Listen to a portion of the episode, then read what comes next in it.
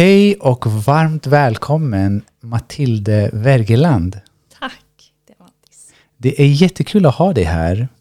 För att eh, från början när jag träffade dig så, och, och jag fick lära känna dig och förstod lite vad du arbetar så, så blev jag väldigt nyfiken lite på ja, men lite ditt synsätt. Hur du ser på hälsa och hur du integrerar olika typer av delar. Men eh, först, låt oss börja med lite med din bakgrund och vem är du? Mm. Ja, men tusen tack för att vara här. Det känns eh, så kul. Och eh, det, är, men det du säger handlar mycket om att jag älskar så mycket olika saker inom hälsa.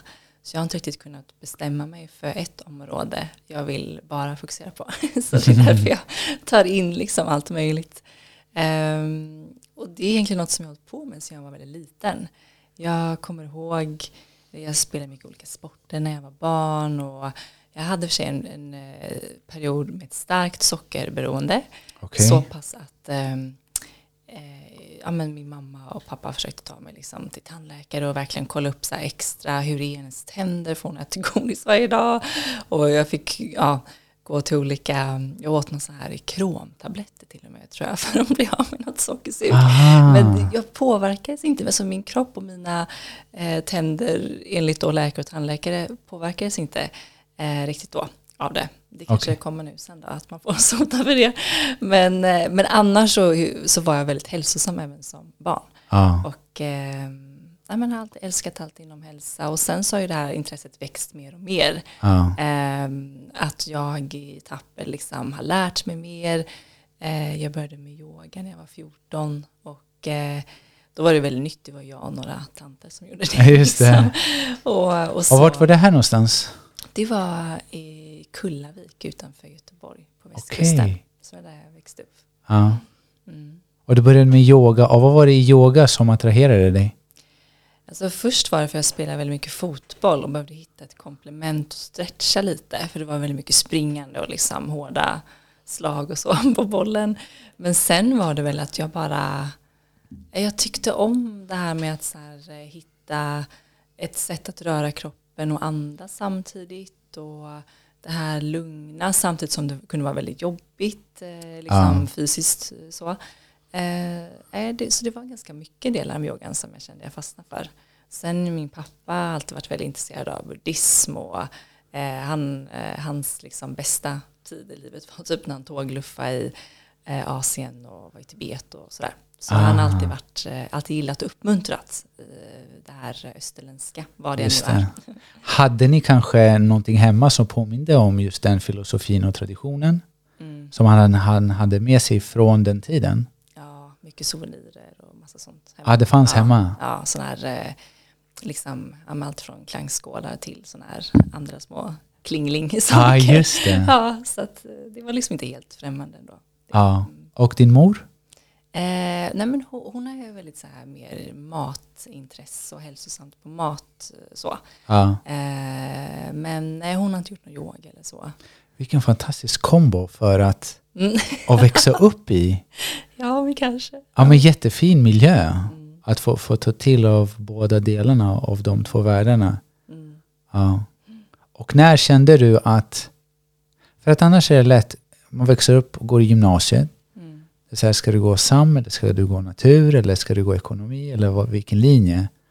Var det först, ja men jag ska också följa strömmen eller kände du från första början att nej det blir nog inte ingenjör? Nej men gud, gud vad intressant att ta upp det här för att jag brottades mycket med det när jag var liten. Ja. Jag hade väldigt lätt för mig i skolan. Så ja. jag behövde faktiskt inte plugga så mycket. Jag gjorde mycket, jag pluggade för att jag tyckte det var kul. Ja. Jag lärde mig saker väldigt, väldigt lätt. Vilket gjorde att redan när jag var, jag tror jag var sex år, då räknade jag liksom årskurs tre matteböcker och det var i den skolan i alla fall väldigt så här, aha hon har lätt för sig, då ger vi henne mer, mer, mer, hon ska bli bättre. Ja, och det var det. liksom, jag tror också att jag mm, är så här först, eller äldsta barnbarnet i vår släkt, båda, både mamma och pappas sida. Och jag hade nog väldigt mycket press ändå som barn att leva upp till många förväntningar mm. av att jag var den här äldsta, duktiga flickan liksom i skolan. Så att jag visste ju ganska tydligt vad jag tyckte om och inte. Men jag valde ändå natur, tyvärr. Och ah. extra fysik. Det var typ det värsta jag visste. Och jag klarade knappt fysiken för jag förstod man inte hur, hur det funkar. Men ah. sen så läste jag extra språk för jag tyckte det var så kul och ah. jag var alltid älskat idrott i skolan och sådär. Så att jag hade ju mina sådana intressen. Men jag tror att så här många kanske kan känna igen också att man, man hörde ganska mycket om att så här, det fanns bra jobb och bra karriär och det ska man bli och ja, ska sikta på att bli läkare. Det hör jag ofta, alltså det var många som sa av välvilja såklart att så ja. men ta natur då kan du bli vad du vill sen, typ läkare. Ja. Men jag kan liksom inte ens se alltså, en thriller på, på tv utan alltså jag skulle aldrig kunna bli läkare och se blod och allt det här, det är inte min grej. Ja, bara. Och jag visste ju det, men jag, jag på något sätt bara så här, ah, ja, nej, men jag väljer ju natur, det är klart och så där. Så ångrar jag inte det idag, för det var mycket annat kul som hände tack vare det och sådär. Ja. Men jag kan ju se att det var ju först efter då som jag började lyssna lite mer på mig själv. Och när jag hade tagit studenten så vet jag att jag kände att nej men nu måste jag få mitt CV att sticka ut lite. Jag var fortfarande väldigt prestationsinriktad ja. men lite mer följa min egen väg. Så ja. det var ju mer så här, men nu ska jag nog inte plugga i de här klassiska pluggstäderna i Sverige. Jag ska åka utomlands och göra min grej lite. Ja. Eh, då som sagt i lite mer prestationssyfte men samtidigt då att jag följde mitt hjärta lite mer. Just det. Mm. Så vart åkte du sen? Eh, då åkte jag till Sydney i Australien. Var där wow. och jobbade och pluggade ungefär ett år. Och sen åkte jag till Paris och mm. pluggade. Och sen så åkte jag till New York och det var där jag var som längst eh, fem år. Pluggade wow. och jobbade. Mm. Så vad har du pluggat och vad jobbar du med? Eh, alltså jag har pluggat, från början var det språk. Ja. Eh, sen så var det marknadsföring och business i New York. Och sen efter det så har jag gått utbildningar inom yoga, mm. pilates, eh, hypnos, reiki, soundhealing ja, och hälsocoachning. Wow, ja. vilken fin kombination. Ja, men det är intressant för jag ser hur allt faktiskt integreras nu på något sätt. Ja. Väldigt bra. Ja. Mm. Och var det yogautbildningen var den första? Det var hälsocoachutbildningen faktiskt. Okej. Okay. Och eh, vad fick dig att gå den utbildningen? Um, nej, men den verkade bara väldigt, väldigt rolig. Det var IIN i USA som ja. jag kanske känner till. Och den, den hade så mycket som jag var intresserad av. Och jag hade hört många som gått den. Och, eh, det var någonting som jag verkligen så här, jag var så exalterad. Jag har alltid varit en sån som älskat typ, skolstart och så här, september, köpa pennor och block och så. Exakt. Alltid tyckt det varit superkul. Men eh, det var extra med den här utbildningen kände jag att jag var verkligen exalterad över allt att, eh, som man fick lära sig där. Var det främst med syfte att kunna hjälpa andra eller var det också att kunna hjälpa dig själv och förstå dig själv bättre? Det var nog främst hjälpa andra. Ja. sen har det hjälpt mig själv väldigt mm. mycket. På vilket sätt? Um, nej men jag tycker det är väldigt bra allmänt att kunna lite coachning på något sätt. För de frågorna kan man ju fråga sig själv. Det är ju väldigt, jag vet inte hur du känner som också jobbar med att hjälpa många andra. Att ibland behöver man ju fråga sig själv samma frågor lika ofta. Liksom, ja. som man frågar andra. Och just det här, liksom, om jag var tvungen att ge mig själv ett råd nu, vad skulle det vara? Så här, att man bara tänka lite i de banorna och ja, man kan vara sin egen coach ibland. Men mm. sen också har det lärt mig mycket om eh, den skolan pratar till exempel om att eh, våra, det liksom primära maten är ju inte den vi äter utan det är så mycket annat också liksom. Ah. Och vikten av att allt faktiskt spelar roll för ens välmående. Relationer, jobb, ekonomi, personlig utveckling. Det är så mycket som ändå läggs samman liksom. Mm. Finns det några så centrala frågor som vi kan kasta ut till lyssnarna? Som de själva kan bära på och kanske marinera och som, som lite så här egen coaching. Mm. Har, har, du någon som du tycker är alltid så spot on? Ah, åh, vilken bra fråga. Jag tycker ju om den här, om du var tvungen att ge dig själv ett råd nu, ah. hade det varit. Sen även att man kanske gräver djupare kanske fråga sig själv varför ganska många gånger. Så att man hittar liksom själva roten till Mm. problemet eller frågeställningen eller vad det är. Ja. Och sen en allmän fråga, kanske inte så mycket hälsorelaterad i och för sig, men i livet generellt så tycker jag om det här, om du visste att du skulle misslyckas, vad skulle du göra ändå? Lite grann att så här, eller förstår du vad jag menar? Mm. Att det, så här, det spelar liksom ingen roll, inte det här att ja, om du visste att, om du, att du skulle lyckas, vad skulle du då satsa på? Just det. Utan det, jag tycker om, om det är så här, du vet att det kommer kanske inte gå bli någon liksom succé av det här, men är det någonting som du ändå vill göra, du bryr dig inte om Just det. liksom det här utsidan, hur det ser ut eller om det blir framgångsrikt, du tjänar pengar på det. Vad Ja. väljer du att göra ändå? Vilken resa skulle du vilja göra? Mm. Precis. Ja, vad fin. Ja, jag, det bara kommer upp jättemånga olika typer av, av, landskap framför mig. Mhm. ja, jag ser bara djungel framför mig, jag ser grönska, jag ser mångfald av växter och djur. Och där någonstans i mitten, på en liten, på en stor sten i mitten av en flod eller större bäck, där sitter jag. Mm. Vad nice. Ja. där, där vill jag hamna. ja. Jag har ju, vi har ju drömmar och eh, tankar, visioner på att flytta till Mm. närmare ekvatorn. Ja, så härligt. Ja, så eh, det är någonting inom mig som attraheras dit. Jag tror att det har att göra med den här pulserande mångfalden av, av liv. Mm. Ja, Den frekvensen. Mm.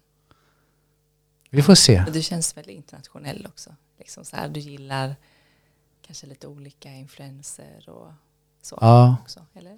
Ja, precis. Ja. Jag, jag, jag känner inte att jag identifierar mig själv med någon kultur eller med någon nation. Diamantisk kultur.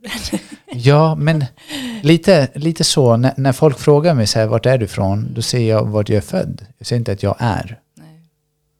Så här, är du grek eller är du svensk? Jag är född i Sverige. Min pappa är född där. Mm. Min mamma är född där. Mm. Så uh, nej, på något sätt kan, vi navig- kan man navigera, i alla fall jag, navigera lite lättare Mm. när man varit ute och rest. Ja. Det var fint med coachningen. Och vad hände sen efter den här coachningutbildningen? Ehm, nej, men då påbörjade jag alla andra utbildningar just för att jag, det var som att jag öppnade en dörr och jag hade längtat så länge att bara dyka in i den världen. För det var ganska många år som jag tänkte att jag skulle jobba inom, inom mode. Eh, och fakt- ja, modebranschen helt enkelt. Okej. Det behöver inte vara en dålig bransch men det var Ja. ingenting för mig egentligen kände jag. Ja. Eh, Men jag hade liksom en fot kvar lite det här vad ett riktigt jobb var. Att Ja. liksom man ska gå till ett kontor och det ser bra ut på CV och det här. Jag lyssnade väldigt mycket på runt om, folk runt omkring mig och samhället generellt i det. Ja. Eh, Så det var som att jag hade längtat så länge att faktiskt få öppna en helt annan dörr till det jag var mest passionerad kring. Ja. Och då var det som att jag inte kunde liksom, och jag känner fortfarande så, jag vill alltså gå tio till utbildningar för att jag tycker det är så kul. Ja. Ehm, så att, och det är det jag tror, det är det som gör allt. Ja, man måste tycka det är kul, det man Ja. håller på med. Du kan, eh, du kan liksom skapa din egen profession av vad som helst, av passion. Liksom. Mm. Det är det som är vägen liksom, för det, ens bästa välmående också tror jag. Precis, och jag tror andra också känner av Mm. när någon gör någonting utifrån passion Mm. och kärlek eller om man känner att det har varit en form av plikt. Att förväntningar och det är det här du ska bli för att du ska vara någon. Mm. Man stämplar in, man stämplar ut. Mm. Men eh, jag ser du är din egna entreprenör i det här eh, skapandet. Mm. Ja. En liten form av manifestering av allt det kreativa som finns i dig. Mm. Men vilken utbildning skulle du vilja komplettera med mera? Ehm, ja, men jag skulle nog vilja lära mig ännu mer om eh, ehm, vad heter det på svenska? Nut- Nutritionist. Alltså jag skulle vilja bli lite mer, eh, lära mig mer om så här mat och komponenter inom det och så. Vad fint. Ja. Ehm, mm. Och sen så mer jag hade gärna gått lite mer yogautbildningar. För jag tycker det är väldigt kul. Yogans ja. filosofi och så. Det var verkligen något jag tyckte var intressant. Efter att ha yogat så många år själv. Mm. Så när man väl gick utbildningen så var det oj, det är det här också som man inte hör på klasserna mycket om så här filosofin bakom och så. Ja. Och den är väldigt, eh, jag tycker verkligen om den. Ja, vad fint. Mm. Din utbildning, gick du den i, i New York, yogan? Nej, jag gjorde faktiskt den online. Men den var från ah. USA, det var under corona. Ah, okay. Eh, eller nej, det var, in, det var innan, nej det var under corona. Ah. Ah. Mm. Ja, vad fint att det finns den möjligheten. Mm. Mm. Skulle du vilja åka till Indien och göra en utbildning där? Ja, det kan jag absolut tänka mig. Um, sen, um, ja, jag vet inte. Jag hade nog, fast jag hade nog velat ha en liten kortare utbildning där. Okay. ja. alltså jag, vet, jag har inte varit i Indien, jag skulle gärna vilja åka dit. Men det är något som säger mig att så här, jag vill eh, kanske inte vara där så här superlänge. Liksom. Nej. Um, utan då kanske åka runt lite. Se ja. lite olika eh, yogaställen i Asien. Ja, jättefint. Mm. Och det var yoga och sen var det reiki? Ja, precis. Jättefint. Ja.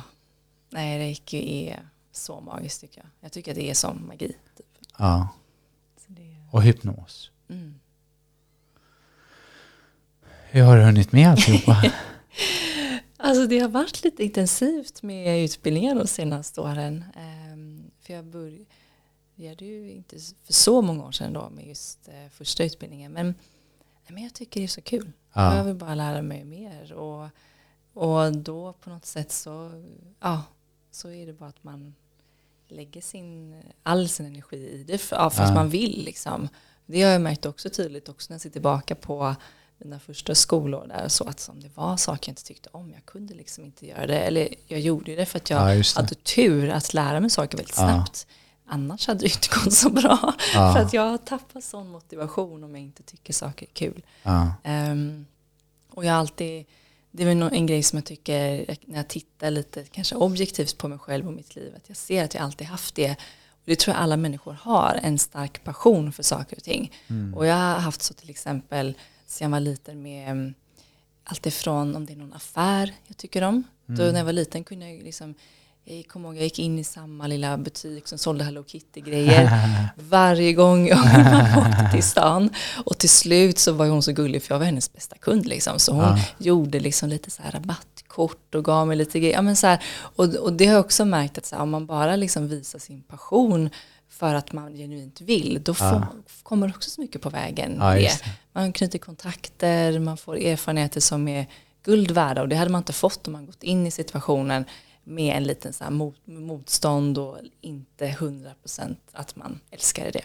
Ja. Så att eh, jag tror alla har det och kan ta fram det. Mm. Och det tror jag är väldigt viktigt för ja, men man mår ju bra också när man älskar saker och ting och är passionerad och låter det. det få flöda liksom.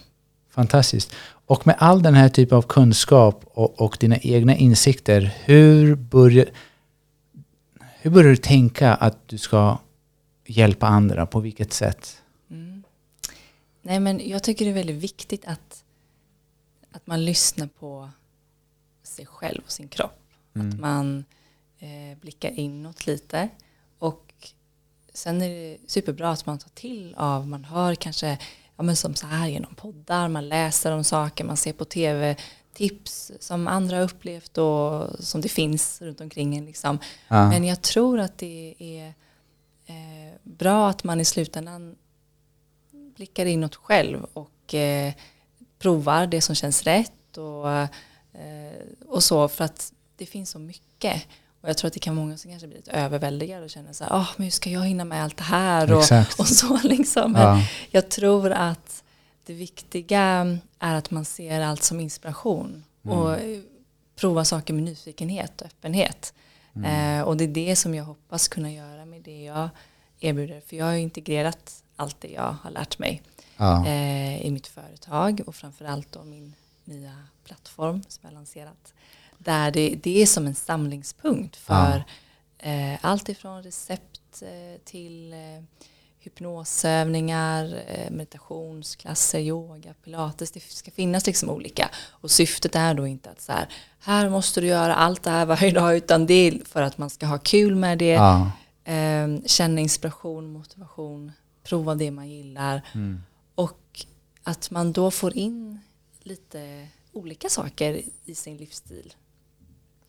Vad har du för tips och råd till de som vet att de behöver göra förändringar eller prova på nya metoder och tekniker? Men det, antingen så finns det en rädsla eller så finns det ett motstånd till att börja. Mm. Ehm, jag hade nog sagt att eh, man kan ta väldigt små steg. Mm. Ja, börja superlitet liksom. Om man känner att man vill börja röra på sig mer till exempel. Du behöver inte boka in ett pass på gymmet. Du kan börja med att gå ett varv runt ditt kvarter eller hus. Ja. Ta trapporna en extra gång. Du kan göra ett träningspass som i tio minuter.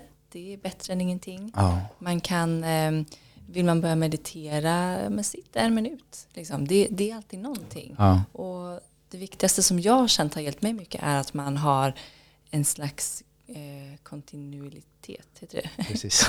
Svårt ord. Nej men att man, att man har det mer återkommande lite, lite varje dag. För Ja. att sätta sig den vanan mer. Ehm, och sen att man inte ska tro på allt man tänker. Ens ego är ganska aktivt ibland. Ja.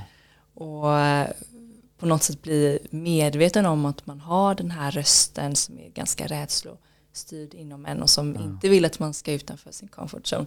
Bara den medvetenheten kan göra att man faktiskt ja, men, eh, ser det som att okej nu säger den här rösten inom mig att jag ska ligga kvar här på soffan och inte ta tag i det som faktiskt får mig att må bra. Men jag väljer att inte lyssna på den. Alltså det och gör man det då stärks ens liksom, självkänsla och självförtroende lite och så. Fint. så det, mm, Ja. Så överkomma de små distraktionerna mm, med kärlek och säga okej men jag gör det i alla fall.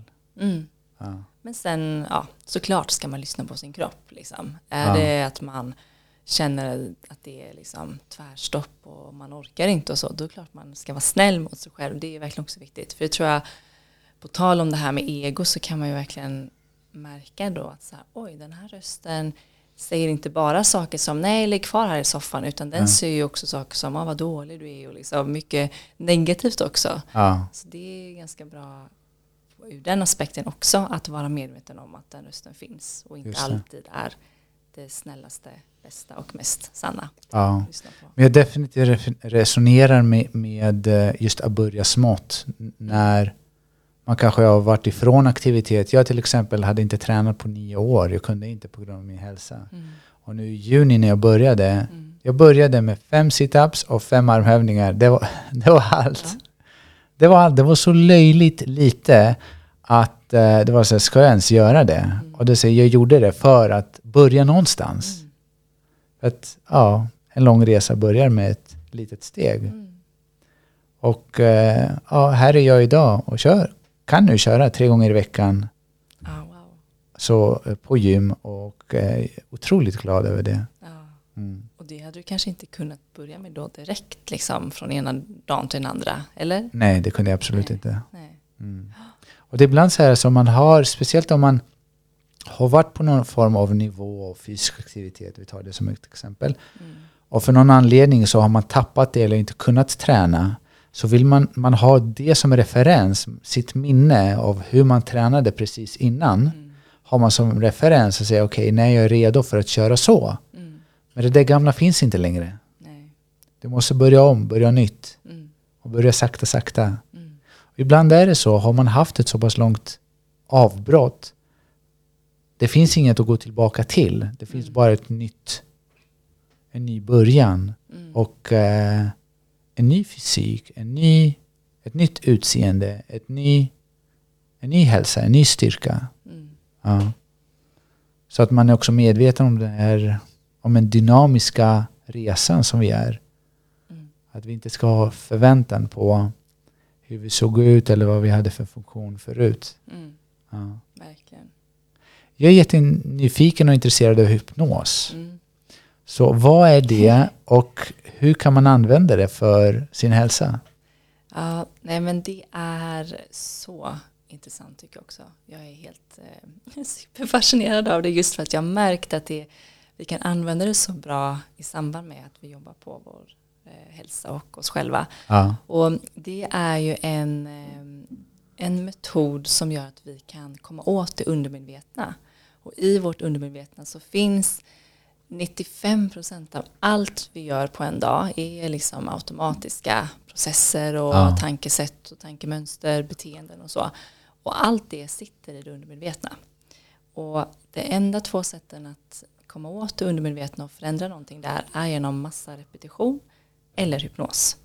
Så hypnos är ju den lite snabba och enkla och i mitt tycke då bästa vägen. Ja. Just för att i de flesta fall räcker en session och då kan du bli av med en, ett beroende, Ja. en rädsla, en fobi som kan vara hur stark som helst men efter en session så har man liksom lyckats man kan säga att man suddar ut en stig man alltid gått på och sen så skapar man en ny åt andra hållet. Och väljer Vad fin metafor. Mm. Ja men det där ser jag speciellt nu när, när det är snö. Mm. Ja,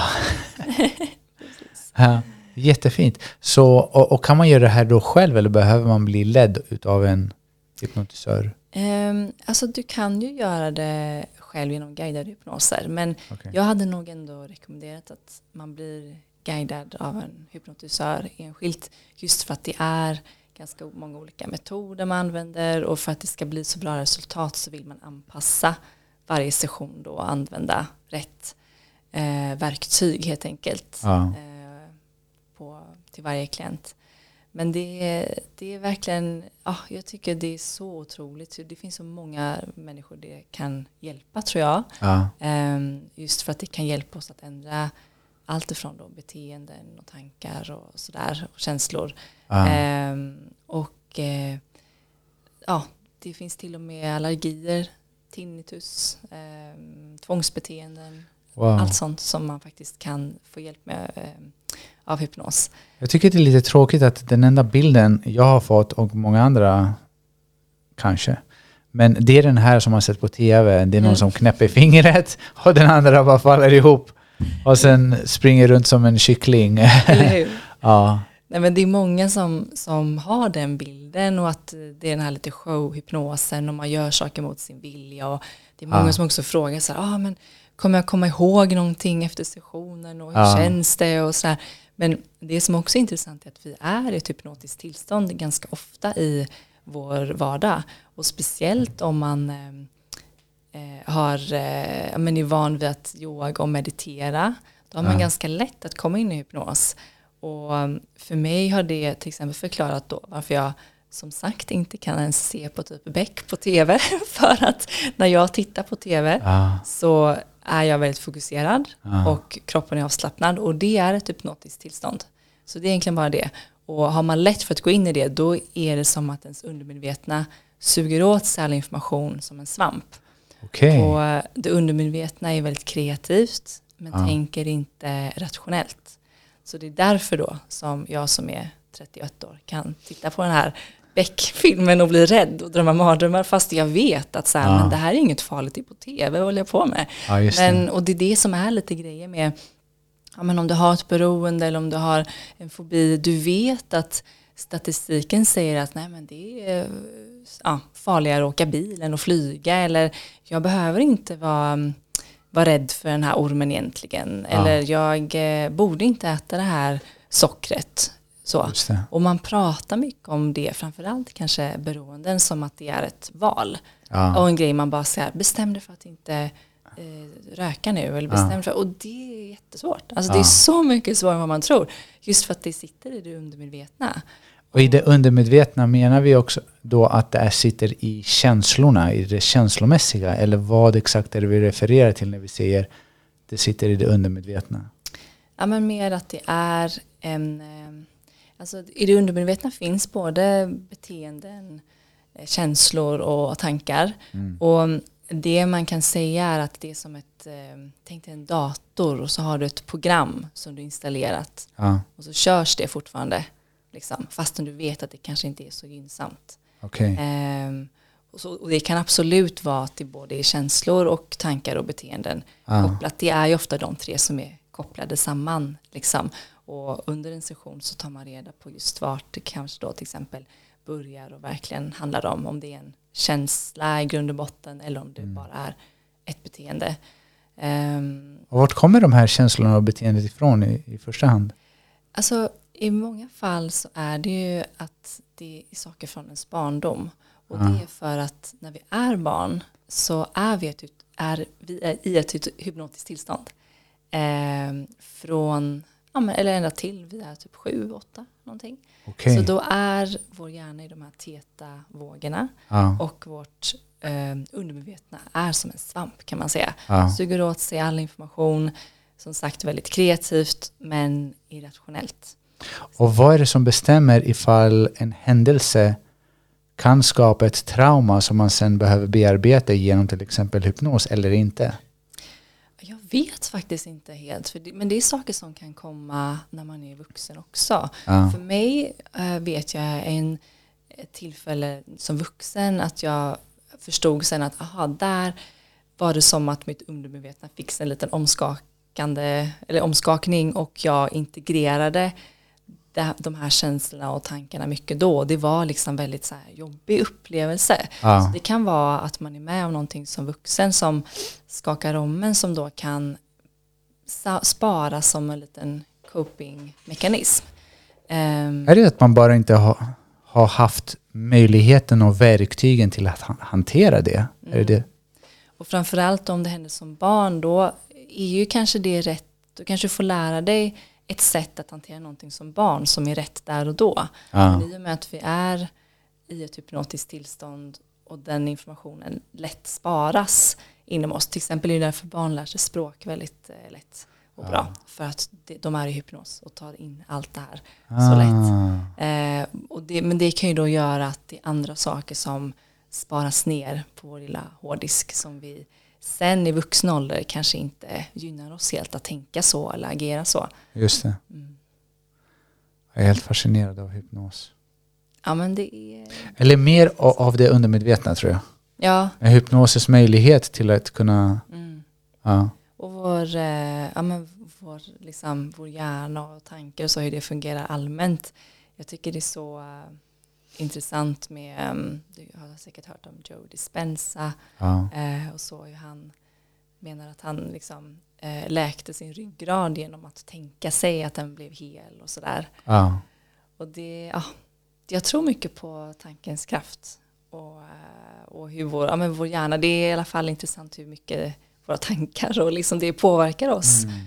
Och, eh, och det som är, är intressant med hypnos är också att man kan ju få så mycket bättre livskvalitet om man eh, vet att nej men, det ska inte behöva vara så att jag går runt och är rädd över det eller har en Mm. Eh, kan ju vara att man har bara en bild av sig själv eh, som att man, ja, jag har haft klienter som varit alltifrån att de inte känner sig tillåtna att vara kreativa eller att de eh, inte eh, känner att de är värda att vila. Alltså det kan vara allt Ja, möjligt det. liksom. Även lite mer diffusa saker inte bara en eh, fobi eller ett beroende.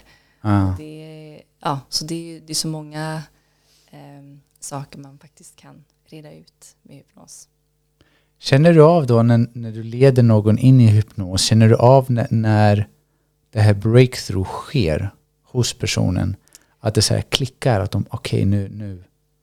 Mm, Eller är det någonting som sen fortsätter efter sessionen? Är det någonting som man sätter igång och sen fortsätter? Eller kan det ske där och då? alltså det, det sker ju egentligen där och då. Sen kan det ju vara lite tid det tar att testa om det funkar eller inte. Ja, Ehm, men ehm, om det är någon som, jag har haft en del som varit väldigt flygrädda. Då ja, har de ju varit väldigt, väldigt rädda i början av sessionen. Bara av att tänka tanken på att de sitter i ett flygplan. ja, Men sen så i slutet så går det ju bättre och det är ju för att det då är löst. Men sen så är det kanske då ytterligare ett tag tills de faktiskt sitter på ett flygplan och kan se att det funkar. Ja, Ehm, men eh, det finns några övningar som jag brukar integrera i slutet som är väldigt effektiva. Där man verkligen säger åt undermedvetna att så här, nu gör du klart det här och det är det här resultatet vi vill ha. Eh, och det är väldigt intressant. Jag säger inte att det funkar alltid, men det Ja. funkar väldigt bra. Ehm, och eh, Är det en form av order?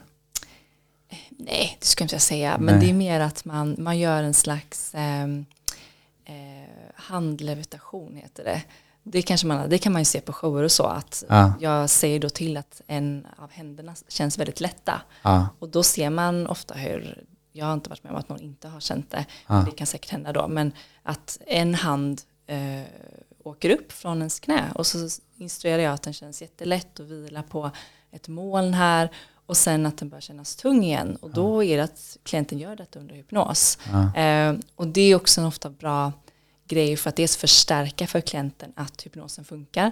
För det är ganska många som blir så här, men vad, jag kommer ihåg allting, det här kändes så konstigt. Och just blir misstänksamma, men har du verkligen hypnotiserat mig? För att det är ett tillstånd då som vi är så vana vid. I och med att det egentligen bara handlar om att kroppen är avslappnad och sinnet är väldigt fokuserat. Ja. Ehm, Så dels förstärker det ju att själva hypnosen funkar. Men sen så säger jag också så här att nu kommer handen kännas väldigt tung och när den nu rör sig sakta ner mot dina eh, knän igen då kommer eventuella justeringar som behöver göras ha gjorts. Så allt kommer vara klart och vi kommer få det resultat vi vill ha. Och, då, och då är det ganska skönt att så här, för då får man en, ja, men en skön känsla efteråt när handen då landar tillbaka på benet. Att så här, ah, okej, nu var det sista, eventuella sista sakerna, nu är de klara. Just det. Ehm, Vad fint. att, ehm, mm. det Och det här kommer finnas då på din plattform och kunna ta del av? ja, det kommer Ja. finnas, där kommer finnas guidade hypnoser. Ja. ehm, som är lite mer då allmänna. Framförallt handlar det om eh, kanske sömn till exempel eller om man vill nå mål och så. Det. Ehm, jag älskar ju, det gör ju säkert många, men allt som har med manifestation att göra. Och Ja. där har jag insett att hypnos och manifestation är ju best friends. Liksom. Ah, det går att jättebra till det och visualisera mål och sådär. Och det används ju mycket, mycket tekniker inom hypnos används ju inom eh, liksom elitidrott för många. Att man eh, kan använda det här sättet att jobba med både känslor, tankar, beteenden och det undermedvetna genom att då eh, nå sina mål. Jag ser framför mig någon form av algoritm. Att man så här klick, klick, klick, klick, klick har löst den, Ja. då är det så här möjligt. Då är det så här, Ja. you do it. För jag tror att det var så, det, vad var det, ett exempel var att man skulle springa den engelska milen under en specifik tidpunkt. Exakt. Och när den kollektiva tron var att det här inte går, eller jag vet inte, hoppa över 10 meter eller eh, längre än 10 meter eh, och så vidare. Men när en gör det Mm. så lyckas på en kort tid gör jättemånga det. Mm. Och det kanske har just det här att man öppnar upp den platsen till möjligheten att det går.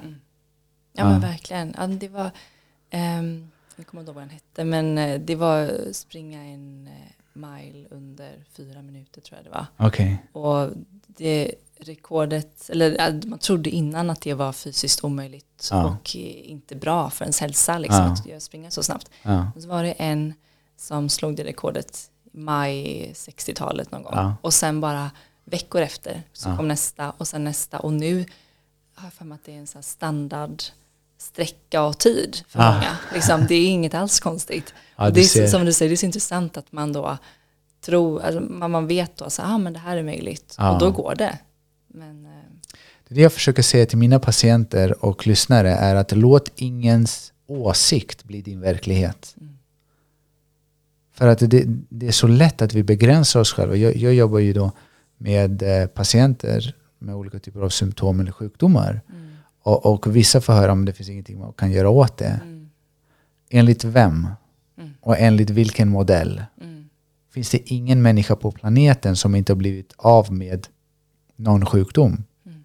Jag tror banne med att det finns någon som blivit frisk från i stort sett varenda sjukdom som finns på planeten. Och om inte det finns någon, då ska jag bli den första. mm. Och om det finns en så blir jag den andra. Så, så att man har lite just, att man inte begränsar sig själv. Ja, hundra procent. Ja. För kanske det är så att när sinnet blir begränsat så blir också kroppen begränsad. Mm.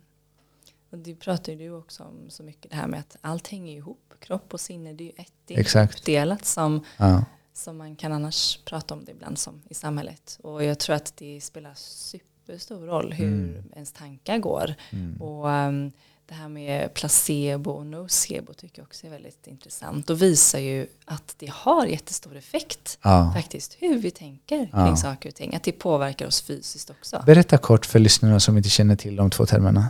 Mm. Nej, men placebo kan ju vara till exempel då att man, eh, att man tror att man får en medicin men så kanske det är bara en liten godisbit men så känner man ändå att man blir eh, bra, man får positiva hälsoeffekter och att eh, man får så att den här medicinen då som man tror det är hjälper en. Ja. Ehm, och nocebo kan ju vara då att man till exempel eh, vi säger att man, man tror att man har blivit eh, opererad eller tror att man har fått en, eh, en medicin kan vi säga, ett piller för någonting och så har man tagit en överdos av det säger vi. Man har tagit lite för många och börjar känna symptom som om man hade tagit för många av den här medicinen. Just det. Men man har egentligen bara ätit godis. Ja.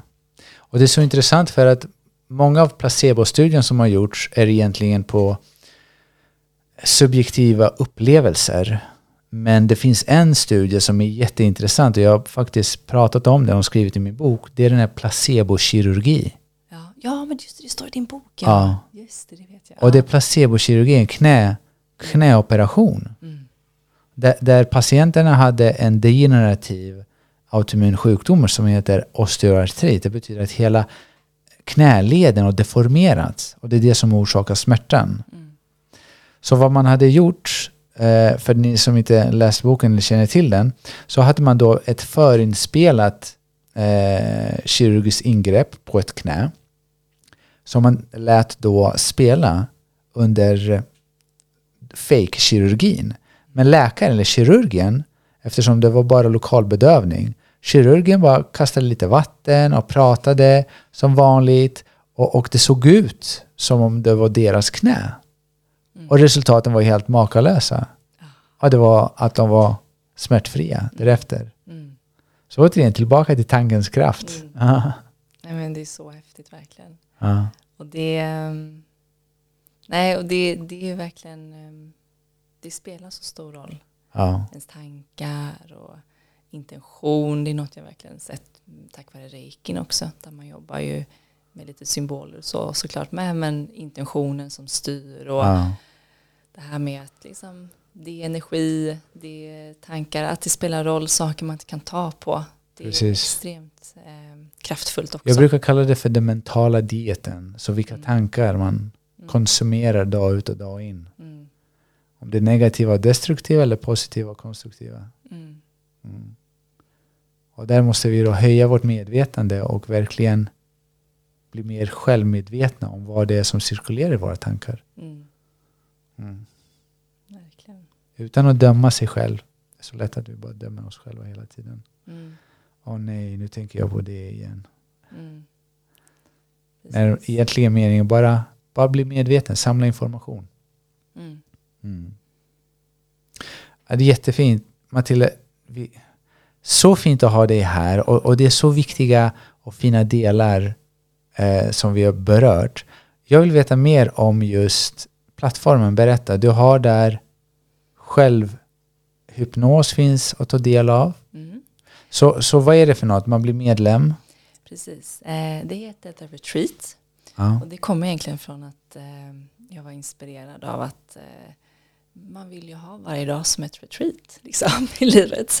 Fint. Att man eh, ja, inkluderar komponenter som får en att må bra och tycka att livet blir lite roligare. Ja. Och då eh, är det en plattform som heter The Retreat och du kan skapa dina egna retreats Mm. själv eller du kan ta hjälp av vänner och familj och ha en liten mysig helg eller någonting. Ja. Men också att du skapar rutiner.